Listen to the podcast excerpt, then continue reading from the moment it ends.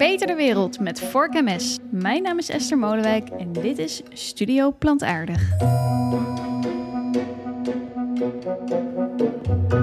Volgens sommigen zijn insecten het alternatief voor vlees. Insecten zouden een hoge voedingswaarde hebben en het milieu minder belasten dan de veeteelt. Maar gaan we de westerse consument ooit zover krijgen dat hij een springhaan op het menu zet? En hoe zit het eigenlijk met het insectenwelzijn? Vandaag spreek ik met Sander Peltenburg. Sander is medeoprichter van de Krekerij, een start-up die eten maakt van krekels en sprinkhanen. Nou, Sander, uh, welkom. Ja, dankjewel. Podcast. Ik zit eigenlijk bij jou in Rotterdam. Ja, klopt. In het industriegebouw. Ja, je bent welkom. Wat heb je gisteren gegeten? Oh, dat is, uh, wat, wat, heb ik niet gegeten gisteren? Uh, Gisteravond, dus voor het eten. Gisteravond. Het was een soort van... Uh, een soort babotti, maar ik denk dat daar net dan weer de ingrediënten zitten dat je het geen babotti mocht noemen. Maar het was heel erg lekker. En zaten er krekels en sprinkhanen in? Nee, niet. Dit, uh, niet maar niet. die heb ik gisteren wel op. Ja, echt? ja, ja, ja. Eet je ze dagelijks?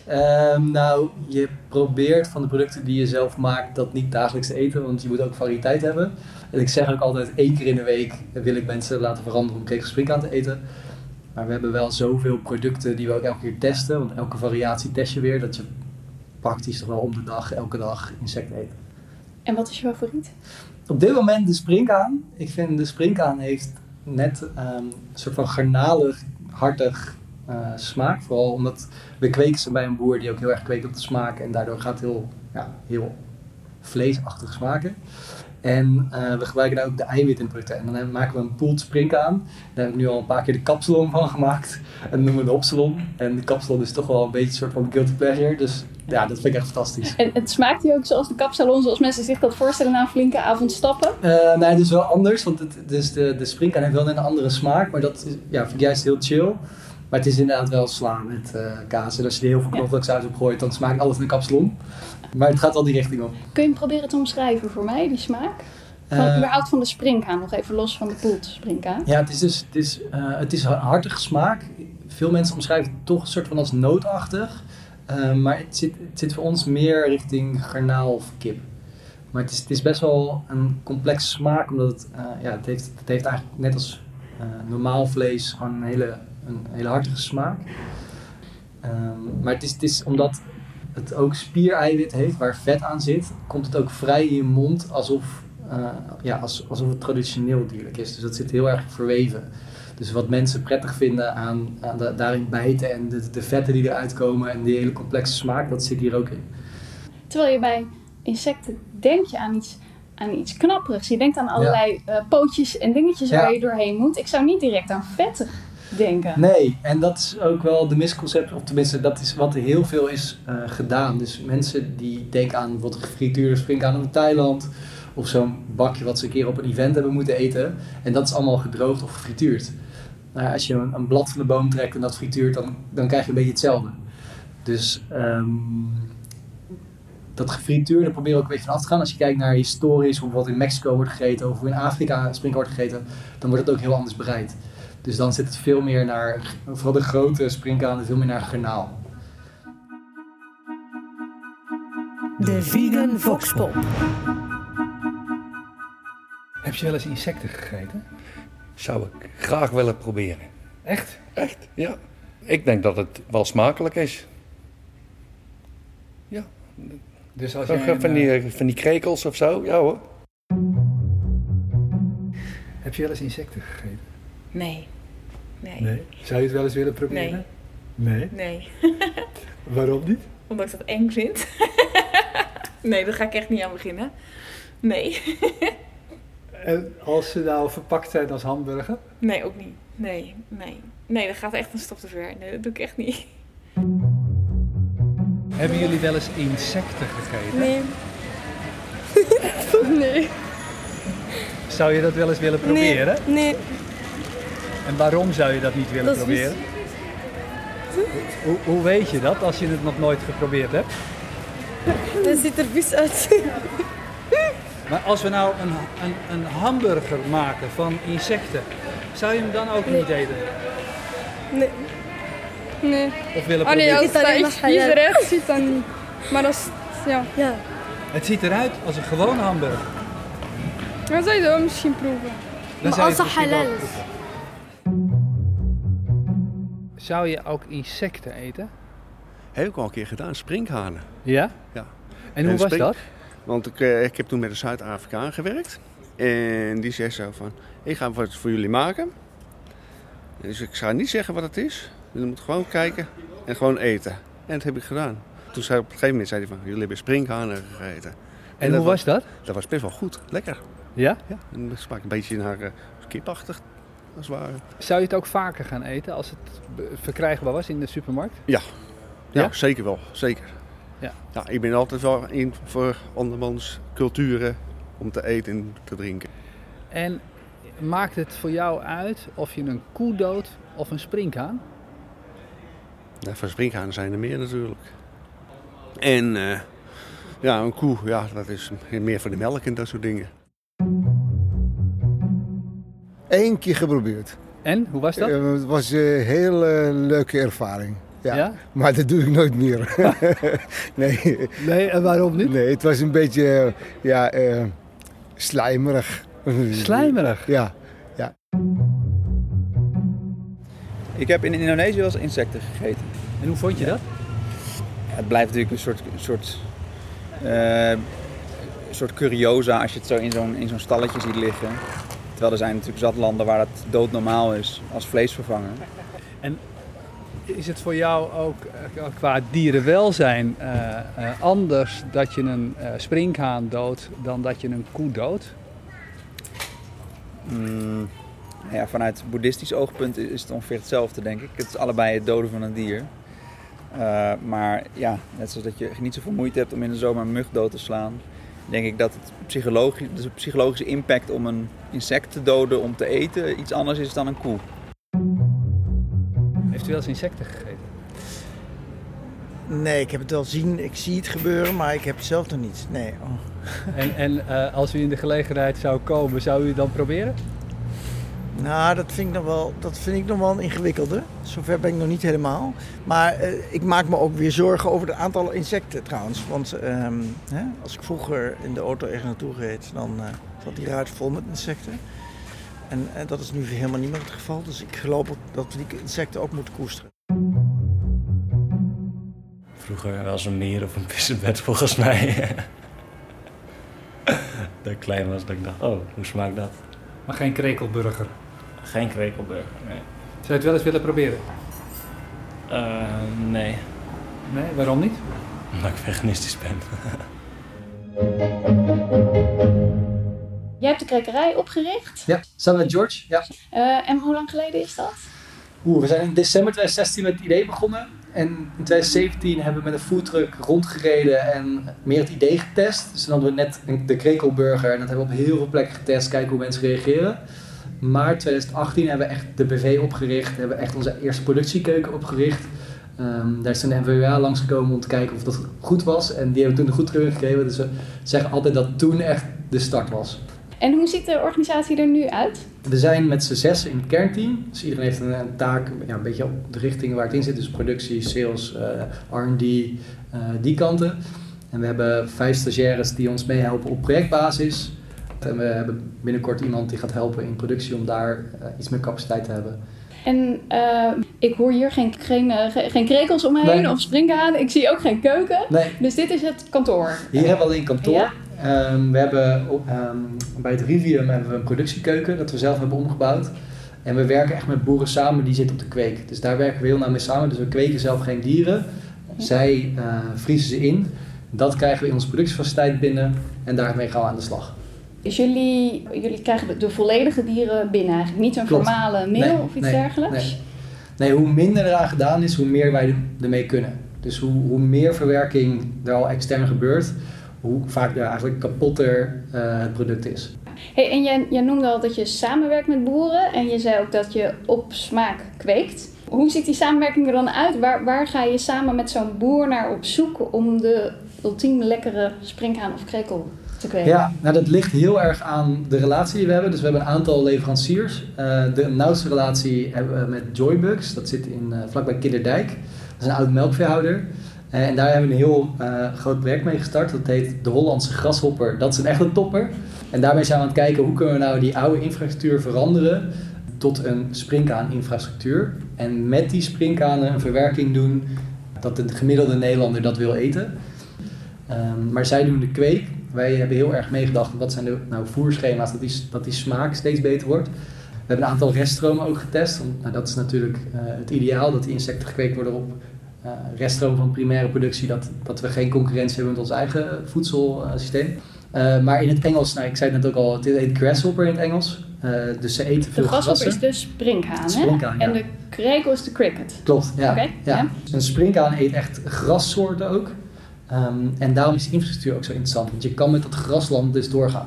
En vertel even hoe het gaat dat een melkveehouder springhaankweker wordt. Hoe, eh, benader, benader jij zo'n melkveehouder of is hij eerst al om? Of hoe is dat proces gelopen? Het, dat verschilt dus ook weer heel erg. Eh, wij, zij waren er al mee bezig. Maar zij, zij hadden eigenlijk nog heel weinig koeien. Ehm, die zijn er nu ook allemaal weg.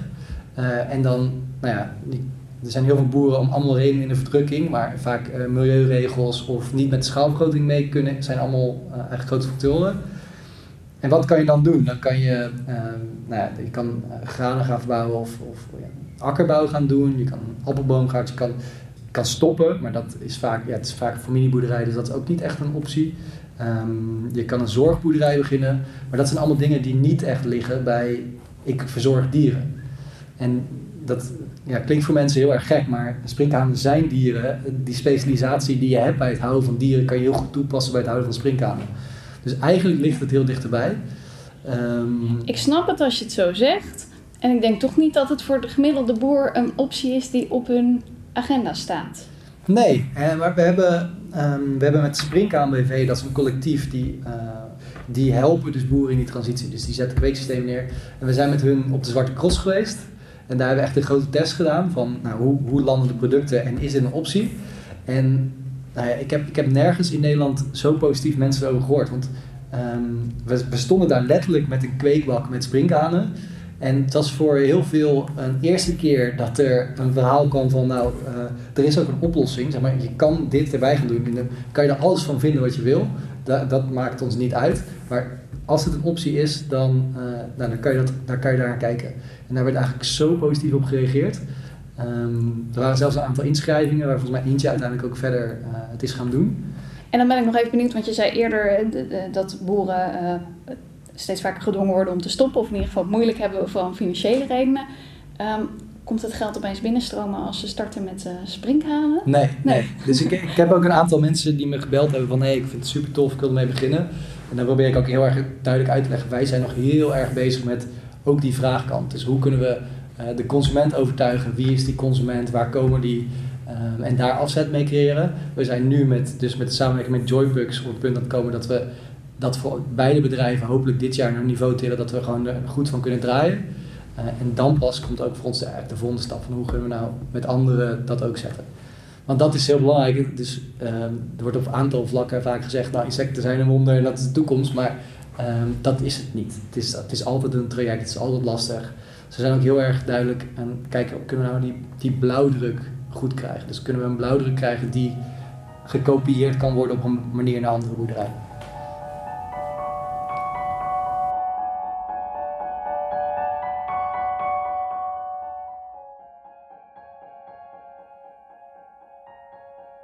Ik wil eerst even terug eh, naar hoe jij überhaupt in aanraking bent gekomen met insecten. En, probeer even, neem me even mee naar dat moment dat dat voor jou gebeurde. Ja, nou, dat, is, i- dat is een tijd geleden. Ik, ik deed zelf civiele techniek, dus ik deed niks met voedsel, maar ik was wel heel erg geïnteresseerd in ondernemerschap.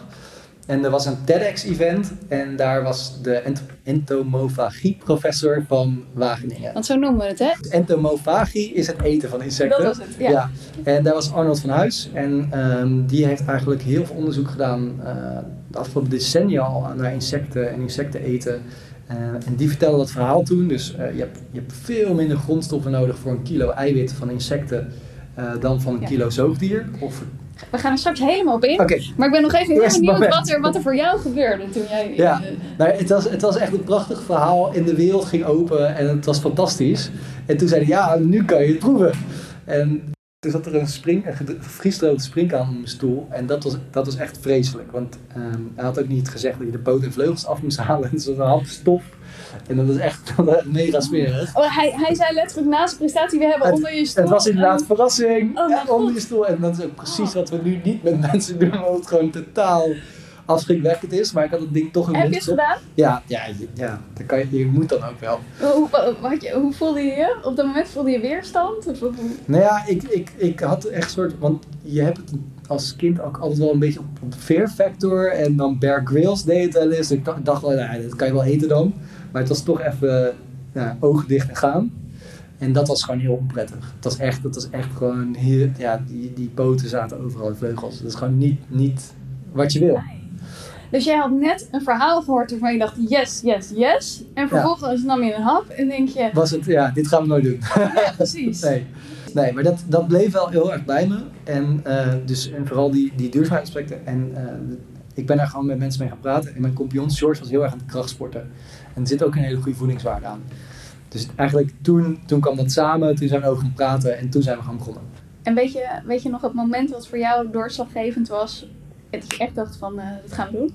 Nou ja, toen hadden we net met een. eh, een dus toen, we konden ook nergens insecten krijgen. Dus toen hadden we vanuit Thailand via de Verenigde Staten een zak krekelmeel hier gekregen. Dat was echt 240 euro. En echt totaal niet, niet te doen. Maar daar hadden we een aantal producten van gemaakt. Dus een gehakt en een burger en een bal. En ehm, ja, die burger, die, nou, achteraf kan je eigenlijk zeggen dat het helemaal nergens naar smaakte. Maar dat was het, het was zeg maar het hele concept van we gaan het verwerken en het het ziet er gewoon normaal uit. En dat, ik weet nog het eerste moment dat ik dat altijd echt dacht, oké, dit, dit is goed, hier kunnen we iets mee. En dat was echt het moment dat we, dat we gewoon ja, in, in die trein zijn Ja.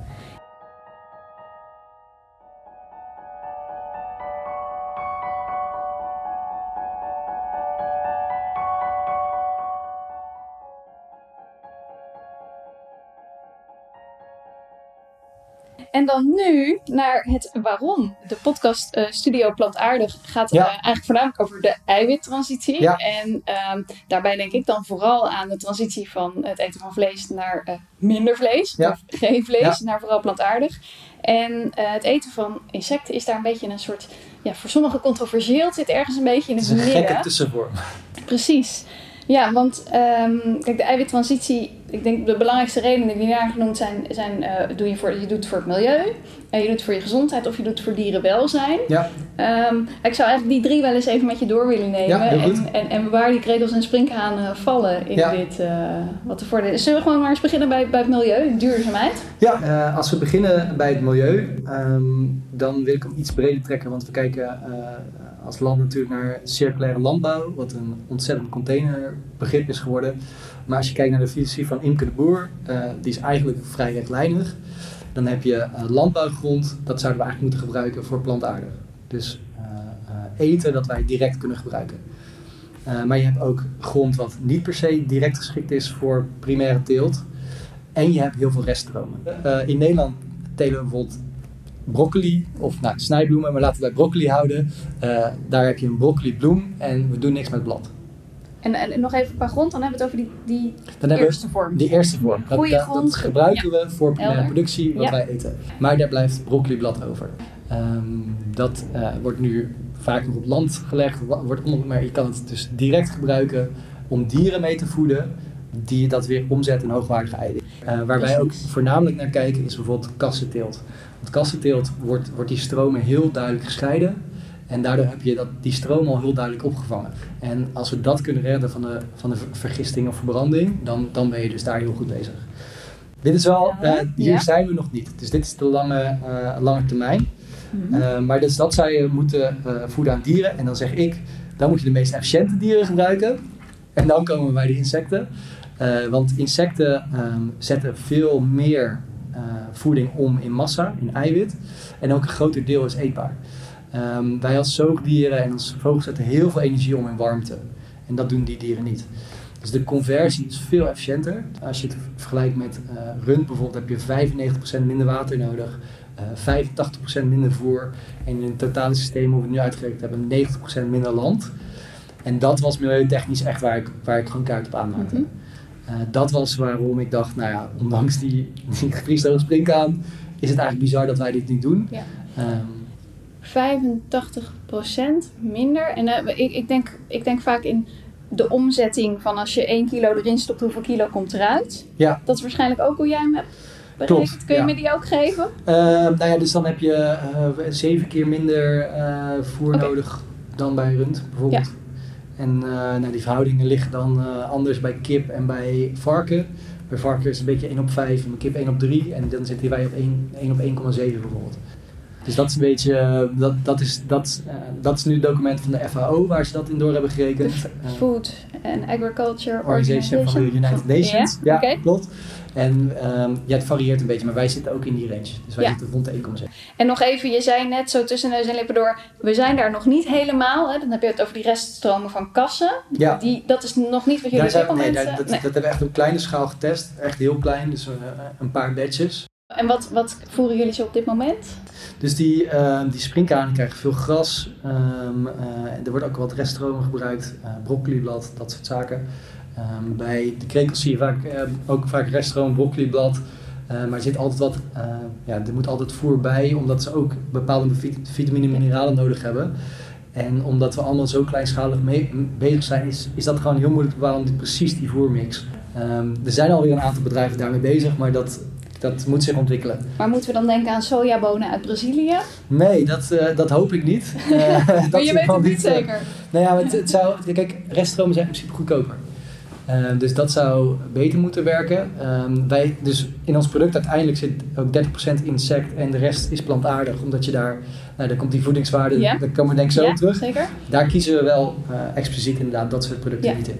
Maar, maar dat stukje voer wat er nog bij gaat, dat weet je nog niet precies. Wat dat het is, het is dat ook elke, eh, dus er zit altijd een variatie in wat boeren zelf toevoegen waar ze ook niet te veel over kwijt willen. Dus dat, Ja. ja. ja, en dat, dat is met, met, met varkens en kippenboeren ook. Iedereen heeft zijn eigen mix. En dan, eh, eh, ja, die voerindustrie is ook, ook weer bizar groot. En wat daar allemaal achter zit, dat eh, heb ik me geprobeerd een beetje van weg te houden. Ja. Hey, en ehm, we waren nog bij milieu en duurzaamheid. Ja. Volgens mij is er daar nog wel wat meer over te noemen. Want je had het over de, de, de bodem en dat ze minder, minder voedsel nodig hebben. Stikstof is natuurlijk ook zo'n issue dat in is een hele grote geworden, hoe zit dat bij... Eh, nou, dat, dat, heeft, dus dat heeft ons wel een beetje beter op de kaart gezet. Ehm, en dat, maar dat verschilt ook weer bij, bij bijvoorbeeld kip, varken en rund. Eh, we kijken dan weer naar de methaanuitstoot van rund. En dan een insect stoot maar ongeveer 1% uit van de rund. Dus dat is echt gigantisch. Mm, maar je hebt ook meer insecten nodig voor Eh, dezelfde per kilo. hoeveelheid. Dus dit is weer Oh, per kilo. Oké, Dus, nou, dat, dus dit is dat allemaal, is oké, dit is Ja. allemaal eh, berekend op die kilo eiwit. Andersom, voor zover ik weet, moeten, moeten de, de farms wel verwarmd worden. Klopt, ja. Dus daarom als je kijkt naar de eh, CO2-vergelijking, is dat dus niet die 1 op 100. Uit mijn hoofd is het een factor 6 lager. Dus 6 keer lager dan rund. Dan rund. Eh, ik, kan je, ik kan je het, het, het eh, overzichtje van de FAO eh, doorsturen. Heel goed, dan plaatsen we die ja, eh, ja. in de show notes, ik snap hem. Want op welke temperatuur worden ze gehouden over het algemeen? Nou, dus, ehm, dus in sommige fasen van de krekel kan het over de 30 graden zijn. Dus daarom is Spanje daar ook een veel beter land eh, voor. Ehm, in sommige fasen van de springkaan zit het tussen de 25 en 30 graden. Dus, dat, dit zijn nog, dus wat we nu, het model waar we nu in testen, is ook een grote vriescontainer. Dus, eh, dus de vraag, eh, kan elke stal worden omgebouwd? Ja, in theorie wel, maar veel, dus veel koeienstallen zijn ook open. Ehm, dus daar, daar, ja, dan moet je wel heel veel, dan moet je wel veel veranderen. Ehm, want je wil niet inderdaad dat je een, een, een industrie gaat opzetten die dan zoveel energie verbruikt dat het, dat het daarom niet duurzaam gaat zijn. Ja, dus je moet wel alle, alle, alle cijfers Ja. van beide kanten goed Ja, bekijken. ja. Ehm, wil ik eigenlijk door naar gezondheid? Ja. Ja? Heel goed. Ehm, ook een van de redenen Ja. voor veel mensen, eh, of nou eigenlijk nog niet zo eens voor heel veel mensen, maar dat zou het misschien moeten zijn, Ja. om, eh, om eh, insecten te eten. Ja. Vertel eens iets. En, dat, en daar zit ook dus het grote verschil wat, ehm, eh, wat tegen het plantaardige vleesvervanging zit, naast die natuurlijke smaak. Ehm, maar er zit, het, het is, zit gewoon alle essentiële aminozuren zit erin. Dus qua eiwitten is het heel, heel goed. En nog even, essentiële aminozuren, dat zijn, dat zijn degenen die het lichaam zelf niet aan kan Klopt, maken, toch? ja, dus die ja. moet je uit Ja, voeding halen. Precies. Ja. En eh, die zitten eigenlijk altijd compleet in vlees. Ja. Eh, en meestal in een plantaardig dieet probeer je dat met verschillende soorten gewoon eh, bij elkaar te halen, dat je dat binnenkrijgt. Maar dit zit er dus compleet in. Daarnaast zit er veel B12 in en veel ijzer. Wij hebben in onze krekelburger bijvoorbeeld, maar er zit 30% krekel in. En daaruit haal je al 122% van je dagelijkse aanbevolen, hoeveelheid B12. Dus dat, dat zit er gewoon heel erg eh, sterk in. En de eerste onderzoeken komen er ook uit dat het heel biobeschikbaar is. Dus dat je, als je het eet, dat je lichaam het opneemt. Ja, dus je noemt eh, proteïne en ijzer, et cetera. Maar in feite hebben vleeseters die krijgen dat al. Dus als Ja. zij bijvoorbeeld zouden denken, wij gaan één dag in de week minder vlees eten. En dan nemen we in plaats daarvan een krekelburger. Ja. Dan eh, eigenlijk hebben ze die niet per se nodig. Eh, Dus het, het, inderdaad, het, het type vleeseter dat gewoon zes dagen in de week vlees eet en eh, hier niet zo mee bezig is, die, die let daar sowieso niet op. De enige groep die wij hebben gevonden die er echt geïnteresseerd in zijn, zijn professionele sporters. We zijn ook een test met Papendal bijvoorbeeld aan het doen. Ehm, en daar, dus dan ga je echt kijken naar wat is nou die opname. En ehm, dan is het qua spieropbouw een hele goede verhouding wat erin zit. Dus daar zijn we aan, mee aan het kijken. Dus eigenlijk een beetje de gezondheidsfreaks zou ik zeggen. Of mensen die echt heel bewust met hun gezondheid bezig zijn. Nou ja, eigenlijk mensen die eh, veel eiwit willen. Dus in ons Ja. product zit ook veel, Ja. in dat opzicht ook veel eiwit. Eh, dus daar zit die verhouding goed. Ehm, maar de- je gaat dan op een gegeven moment in eh, zoveel typografieën mensen kijken dat het heel lastig wordt. Dus voor de gemiddelde vleeseter is, die, is dat voedingswaardeargument niet zo heel interessant. Nee, want eigenlijk eh, krijgt de gemiddelde Nederlander natuurlijk al meer proteïne binnen dan Veel te ze- veel, Nou, ja. je hebt te veel, Ja. hè? Want, eh, is het ongeveer twee keer te veel, hè, gemiddeld. Eh, ja, dus volgens mij sowieso als je kijkt naar twee generaties terug was het ongeveer de helft van de eiwitinname. En dan nog een veel kleiner aandeel dier. Dus toen haalden we al veel meer uit plantaardig. Ja. Ehm, dus, we moet, dus als we sowieso teruggaan naar hoe onze overgrootouders Ja. aten, dan zit je al op een veel duurzamer dieet. Met een veel nettere balans plantaardig en dierlijk. En, en toen aten ze al genoeg eiwitten. Ja, absoluut. En, ja. nu, en we zitten nu op eh, dubbele omdat we zoveel vlees eten. Ik denk dat dat een grote reden is, maar je hebt ook nu in de supermarkt overal dingen eh, met zoveel eiwit waarvan ik denk, nou ja, daar, heb je helemaal niks Ja. aan. Maar Ja. Ik, denk, ik denk dat het gewoon in onze eetcultuur, dat we letten echt heel weinig op eh, de voedingswaarde. We hebben, dus we hebben heel veel onderzoek gedaan. Op een gegeven moment hebben we 150 interviews gedaan. Oké, wat, wat vinden mensen nou interessant aan het eten van insecten? Er zaten bijvoorbeeld twee eh, vragen in. Nou, wat vind je eh, van gezond eten? Ja, super belangrijk. Iedereen dat scoorde echt een 9 of hoger. Ja. En dan vroeg je, eh, wat vind je van de voedingswaarde? Nou, daar kijk ik eigenlijk nooit naar. Het is gemiddeld een 3. Dus eh, die, die, die disbalans dus van mensen, wat nou de perceptie van gezond is en wat ze daadwerkelijk eten, zit, dat, dat- ja, dat zit gewoon helemaal uit elkaar. En dan even, wat, wat kwam er dan uit die enquête? Want daar ben ik wel benieuwd naar. Wat is de reden voor mensen om, om insecten te eten? Nou, dus in, in, in ons geval eh, weten veel mensen dat die eiwitten erin zitten. En dat er veel eiwitten in zitten en dat, eh, dat die verhouding interessant is.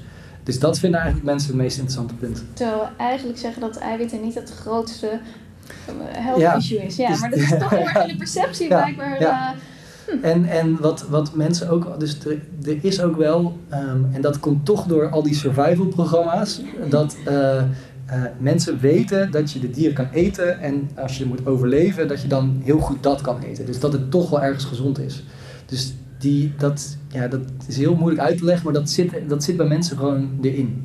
Dus omdat eh, mensen wereldwijd insecten eten en omdat ze dat dus hebben gezien op televisie, eh, weten ze dat, dat, dat het toch op een bepaalde manier goed is en gezond is.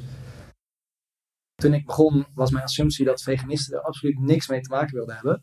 Ehm, maar we hebben dus daar ook een aantal testen op gedraaid. En ehm, nou, veel mensen willen het wel proberen, eh, omdat eh, nou, die willen gewoon weten waar, waar ze dan hun keuze over maken. Dus dat is helemaal top. Eh, en we komen eruit dat ongeveer 50% zijn. Nou ja, wij moeten nu heel vaak gesynthetiseerde B12 en dat soort dingen bijslikken. En daar zijn we ook tegen. Dus stel, het is echt radicaal op reststromen. Dus als je dat kan garanderen, het is echt op reststromen, niet concurrentie met onze primaire productie, dan zou het een alternatief zijn. En eh, dat, vind ik heel, dat vind ik eigenlijk heel erg interessant. Want dat zijn mensen die vaak super goed weten wat ze aan het eten zijn. Ze Ja. heel erg op hun dieet letten. Ja. Heel erg duidelijk kunnen afwegingen en keuzes maken. En het dan interessant vinden. Ja. Maar dat, is, dat, is, ja, dus dat, dat zou nog niet stap kunnen zijn. Oké, nou interessant eh, bruggetje naar de veganisten. Ja. Want ook, eh, ook daar hebben we verschillende motivaties. Eh, en je noemt nu de motivatie eigenlijk vooral het milieu. Veganisten die voor het milieu goed willen eten. Dierenwelzijn is natuurlijk ook een, Ja. een issue. En ik denk dat ook voor veel mensen die veganistisch Ja. eten de reden Ja. is. En ik moet zeggen dat mijn, mijn, mijn tere hartje het ook af en toe wel moeilijk heeft als ik kijk naar zo'n kooi waar al die Ja, springhanen in zitten. Laat ik eens beginnen met de vraag: als jij mag kiezen ehm, of je een koe wil zijn in de bio-industrie of een springhaan in de springhaanкwekerij. Nou, dat is zo'n interessante keuze. Eh, want ik, ik eh, wil mijn eigen leven zo lang mogelijk eh, maken. En dan leeft een koe toch langer. Maar inderdaad, qua, qua dierenleed, ja, dat, het, het verschilt ook heel erg in de bio-industrie. Want kijk, verschillende sterren hebben heel andere effecten. Nee, dan zou ik, dan zou ik alsnog voor een koe kiezen. Ja? Ja, omdat springhanen gewoon echt heel kort leven. Dat, ja, Dat is allemaal relatief natuurlijk. ja, ja, ja. En ehm, als jij naar een springhaan kijkt, wat, wat zie je dan? Nou, voor mij, het zijn echt dieren. Dus dat, is- dat is heel belangrijk. Dus, dus heel veel mensen denken ook dat het dan eh, vegetarisch is of niet. Dus wij zeggen altijd heel duidelijk, het zijn dieren. Ehm, dus ik zie ook een heel duidelijk dier. Ik zie ook wel een ander dier dan als ik naar een spin kijk. Want ik heb er veel minder... eh, ik vind het veel lievere dieren eruit zien. Maar dat kan misschien mijn eh, bubbel ook al onder zijn. zeker. Ja. Ehm, maar het zijn echt dieren. En eh, daarom zijn we ook heel duidelijk ehm, in die uitleg. En dan vaak bij ehm, vegetariërs, als je doorvraagt van oké, nou je doet voor dierenleed, wat, wat eet je dan wel? Dan is vaak af en toe ook nog vis zit er wel bij. Ehm, dus we, we leggen gewoon dat uit, we laten die keuze bij iedereen eh, zelf. Maar daarom zei ik al, die religieuze keuze, dat is ongeveer 10% van de vegetariërs in Nederland. dat vind ik heel belangrijk, want ik wil dat die mensen echt heel duidelijk weten dat het dieren zijn. Dus dat ze niet ehm erachter komen dat ze iets hebben fout gedaan wat niet in hun leef, leefovertuiging past. Je zegt het zijn echt dieren. Wat is er bekend over het gevoelsleven van de Ja. springhaan? Nou, dus van Huis is daar heel veel onderzoek naar aan het doen. En ehm, er zijn eh, bij Holmos bijvoorbeeld vastgesteld dat hij wel iets van emoties kon ervaren op een manier. Eh, maar het is echt heel anders. Je kan het, bij- je kan het eigenlijk bijna niet vergelijken met zoogdieren. Eh, wij hebben zo, zo andere hersenen, zo andere lichaamsstructuur. Eh, wij hebben zulke andere hersengebieden. Wij hebben stresshormonen. Al dat soort zaken dat insecten gewoon niet hebben. Hebben ze geen stresshormonen? Ehm, nou ja, niet, ik heb nog geen onderzoek gezien dat dat op een of andere manier bevestigt. Dus Nee, want, want hoe, eh, op, op welke parameters probeer je vast te stellen wat het welzijn is van de springhaan? Gaat dat over, over pijn of emotie of sociaal gedrag? Of, maar dat, zijn dus, dat zijn hele goede vragen. En als je, eh, als je dus kijkt, daarom krekels en sprinkhanen, of sprinkhanen voornamelijk, zijn zwermdieren in het wild. Dus als je als je, je ogen sluit en denkt aan sprinkhanen, dan zie je of één sprinkhaan op een blad in Zuid-Frankrijk, of die enorme plaag eh, die ergens overvliegt. Wij hebben bijvoorbeeld ook krekels zelf gehad en eh, die waren ontsnapt en die gaan allemaal bij zichzelf, bij elkaar op dezelfde boomstronk zitten. Dus dat is ook al een heel andere perceptie. Ze zijn veel beter gemaakt om eh, eh, als, als, zwer- als zwerm te opereren of bij elkaar te dus je bedoelt in opereren. kleine, in kleine omgevingen dicht ja, op elkaar precies. zitten? En als je dan bijvoorbeeld over de meelwormen hebt, nou dat, dat- in hun natuurlijke habitat zitten die allemaal bij elkaar. Dus dat, dat is al heel anders. Dus daar Ja. heb je het over. Dan heb je het over, ehm, nou ja, eh, hoe, hoe is de perceptie dan van die dieren zelf? Nou ja, daar echt totaal anders dan zoogdieren. Ze hebben bijna die hersenen niet. Eh, dat, dat is gewoon heel anders. Ehm, dan heb je het ook vaak nog over afdoding. Hoe gaat dat natuurlijk? Nou, ehm, in de natuur worden ze of opgegeten of gaan ze dood onder koeling. En eh, bij ons worden ze dus afgedood door, of bijna alle boeren wordt afgedood door in te vriezen. Dus dan, gaan, nou, dan stopt het eigenlijk. Het zijn koudbloedige dieren, dus het gaat een soort van een, mensen zeggen dan winterslaap, maar ze stoppen gewoon. Eh, alle functies houden op omdat ze bevoorraden Ja. raken. Maar dat, raakt, dat, dat geldt voor jou en mij ook. Precies. bevoren Ja, maar daar gaat het al heel anders. Zeg maar bij 18 graden, als we, als we een springkaan naar buiten zouden, buiten zouden hebben, dan stoppen die al met bewegen. Het moet toch ontzettend lastig zijn om vast te stellen wat zo'n dier ervaart? Dat, zijn, dat kan je nooit. Nee. Dus de enige onder, ja, dus, maar dat, dat kan je bij mensen ook nooit. Zeg maar, de enige onderzoeken die, eh, die, die het doet, is vergelijken met mensen die geboren worden die niet bepaalde capaciteit hebben. Dus die bijvoorbeeld geen, eh, eh, geen hersengebieden hebben die ontwikkeld zijn om te zien. Nou, dan kan je zeggen, oké, dat hersengebied ontbreekt, dus daarom kunnen die mensen niet zien. Of met reuk. Dus je kan alleen maar vergelijken met iets waar je vergelijkingsmateriaal mee hebt. Maar, dus wij kunnen alleen maar zien, deze dieren hebben geen, hersen, eh, eh, geen hersenen die eh, bepaalde complexe dingen doen of emoties hebben. Dus dat, daar kun je het alleen maar mee vergelijken. En dan is er altijd nog, ja, het kan wel zo zijn. En daarom ben ik heel duidelijk, het zijn dieren. Dus die keuze die je maakt, moet je echt zelf maken. Ja, en dat is dan de keuze om het te eten. Ja. Ehm, maar jij bent, jij bent producent en jij, jij propageert ook dat we dit Ja. meer moeten gaan doen. Ehm, heb jij het gevoel dat je je er, zoals het nu gaat, er al goed bij kan voelen? Of heb jij het gevoel van er moet nog meer onderzoek naar gedaan worden? Of hoe, hoe, hoe voel jij je daarover? Nee, ja, kijk, ik, eh, ik, heb daar, ik heb op het moment met eh, die sprinkhaan en krekels echt absoluut geen probleem mee. En dat, ze zitten in een habitat dat heel prettig is voor hun. Eh, daar, Dus omschrijf dat is? nou ja, het, het heeft een bepaalde temperatuur nodig, een bepaalde luchtvochtigheid, een bepaalde belichting. Ze krijgen eten dat ze nou, gewoon lekker kunnen eh, groeien. Ehm, insecten gaat ook heel nauw, dus als, die, als het optimum niet is, dan, eh, dan gebeurt er niks. Eh, of dan groeien ze niet, of als ze te veel eten krijgen, gaan ze ook dood. Dus daar, ja, het is eigenlijk veel meer gemaakt op nou, wat optimaal voor dier is. Dat is natuurlijk niet heiligmakend, want dat zeggen mensen in de vleesindustrie ook. Die zeggen ook, het is allemaal gemaakt om optimaal, dus vind ik lastig. Maar dat, daarom heb ik daar niet zoveel moeite mee op het moment. En ik ben ook al drie keer massamoordenaar genoemd in mijn gezicht. Dus oh mijn dat, god. eh, ja. ja. vertel eens hoe, hoe, jeetje, hoe gaat Nou ja, dat? de, eerste keer is gewoon heel raar en dan probeer je het te rationaliseren. En eh, de tweede keer dan, eh, nou ja, dan heb je dus eh, dit, dit verhaal, dan heb je het onderzocht. Oké, nou hoe leven die beesten, wat vinden ze prettig, wat voor hersengebieden, hoe, dan probeer je te rationaliseren. Maar dat is nog steeds eh, voor veel mensen gewoon geen argument, want het blijven dieren. Eh, maar de laatste keer stond er een kweker bij me en dat was een mevrouw die dat, eh, nou, die dat eh, schreeuwde door de zaal. En die, die kweker zei, ja, Sander, eh, die, die ging dus staan. Mevrouw heeft thuis een stofzuiger. En toen was het, ja, ja, dan, weet, dan bent u een massamoordenaar. Hoeveel huisstofmeid en vliegen en allemaal vermoord. Nou, en die liep toen nou, stampend weg. Maar uh, ja, dus dat, dat ehm, zo kan ik het ook wel relativeren. Ik was wel blij dat hij dat deed, want anders, anders zit ja, die zit daar best wel mee. Maar... Ja, hoe, hoe slaap jij dan, zo'n avond? Dat... Nou ja, je, je, je, hersenen zijn vrij goed om uh, dan het weg te rationaliseren en te zeggen dat die andere persoon gek is. Uh, maar daarom heb ik de eerste keer wel heel veel onderzoek ernaar gedaan. Want je, je moet voor jezelf, ja, je moet niet tegen jezelf gaan liegen. Je moet echt weten wat je aan het doen bent. Ja.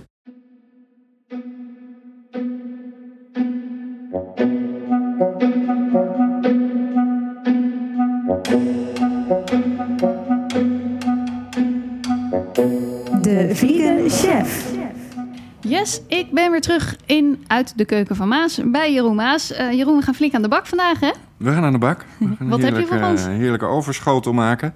Aubergine uh, bizait. Wij gebruiken daar Turkse aubergines voor.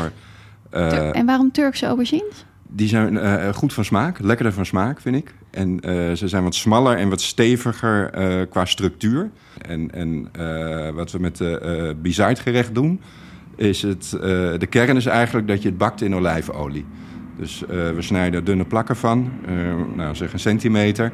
En die ja. bakken we om en om best in een nou, lekkere scheut olijfolie. Ja. voor goede smaak. En als je nou de normale aubergines neemt zou ik eigenlijk aanraden om die eerst te zouten en af te spoelen. Dus een paar uur onder zout leggen om het water te onttrekken.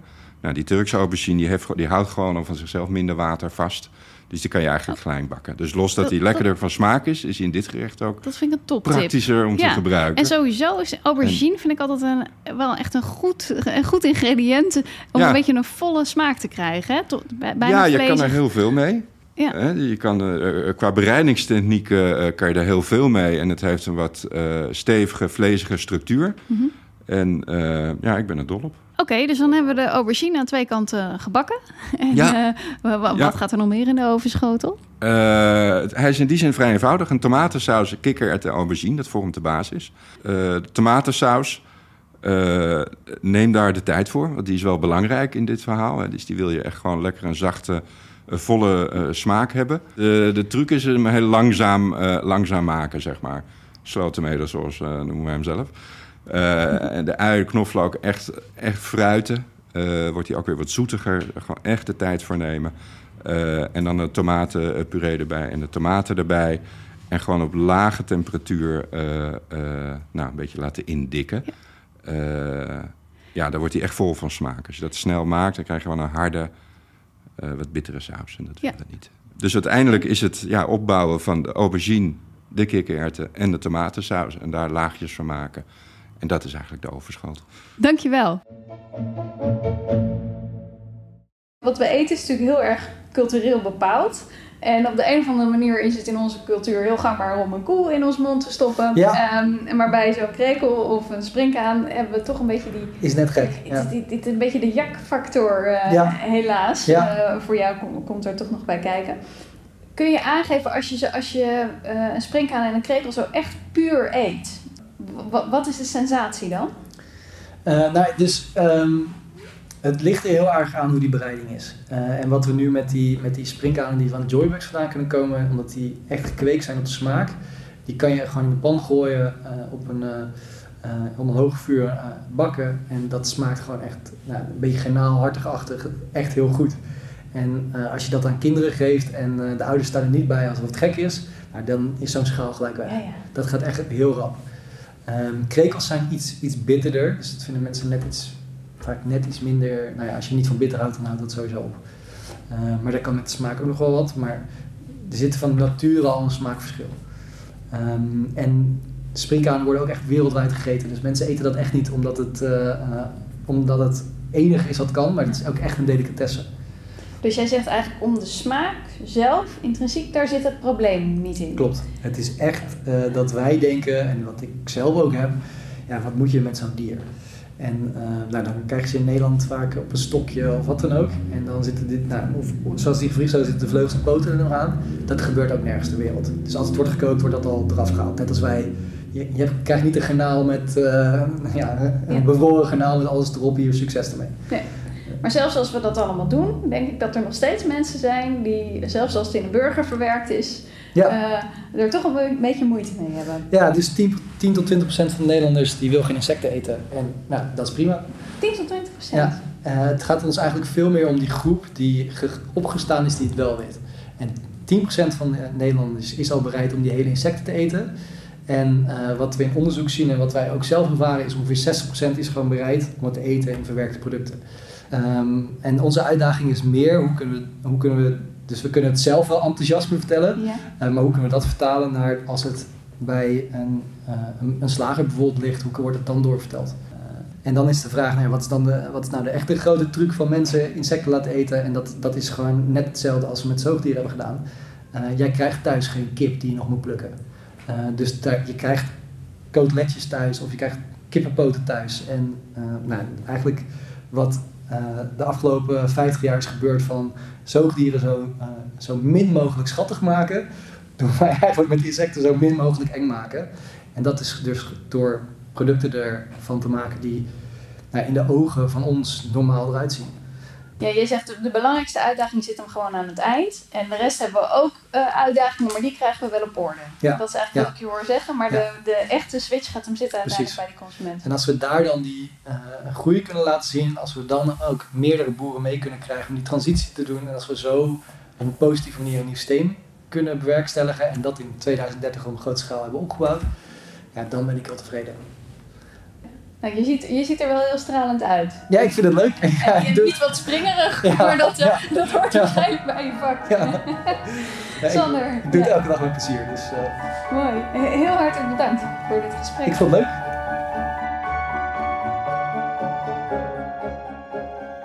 Dat was hem. Dankjewel voor het luisteren. Wil je het volledige recept uit deze podcast nalezen? Kijk dan op onze website www.studioplantaardig.nl. En wil je meer weten over hoe we de stap naar een plantaardige samenleving gaan maken? Volg dan onze podcast. Dank je en tot de volgende.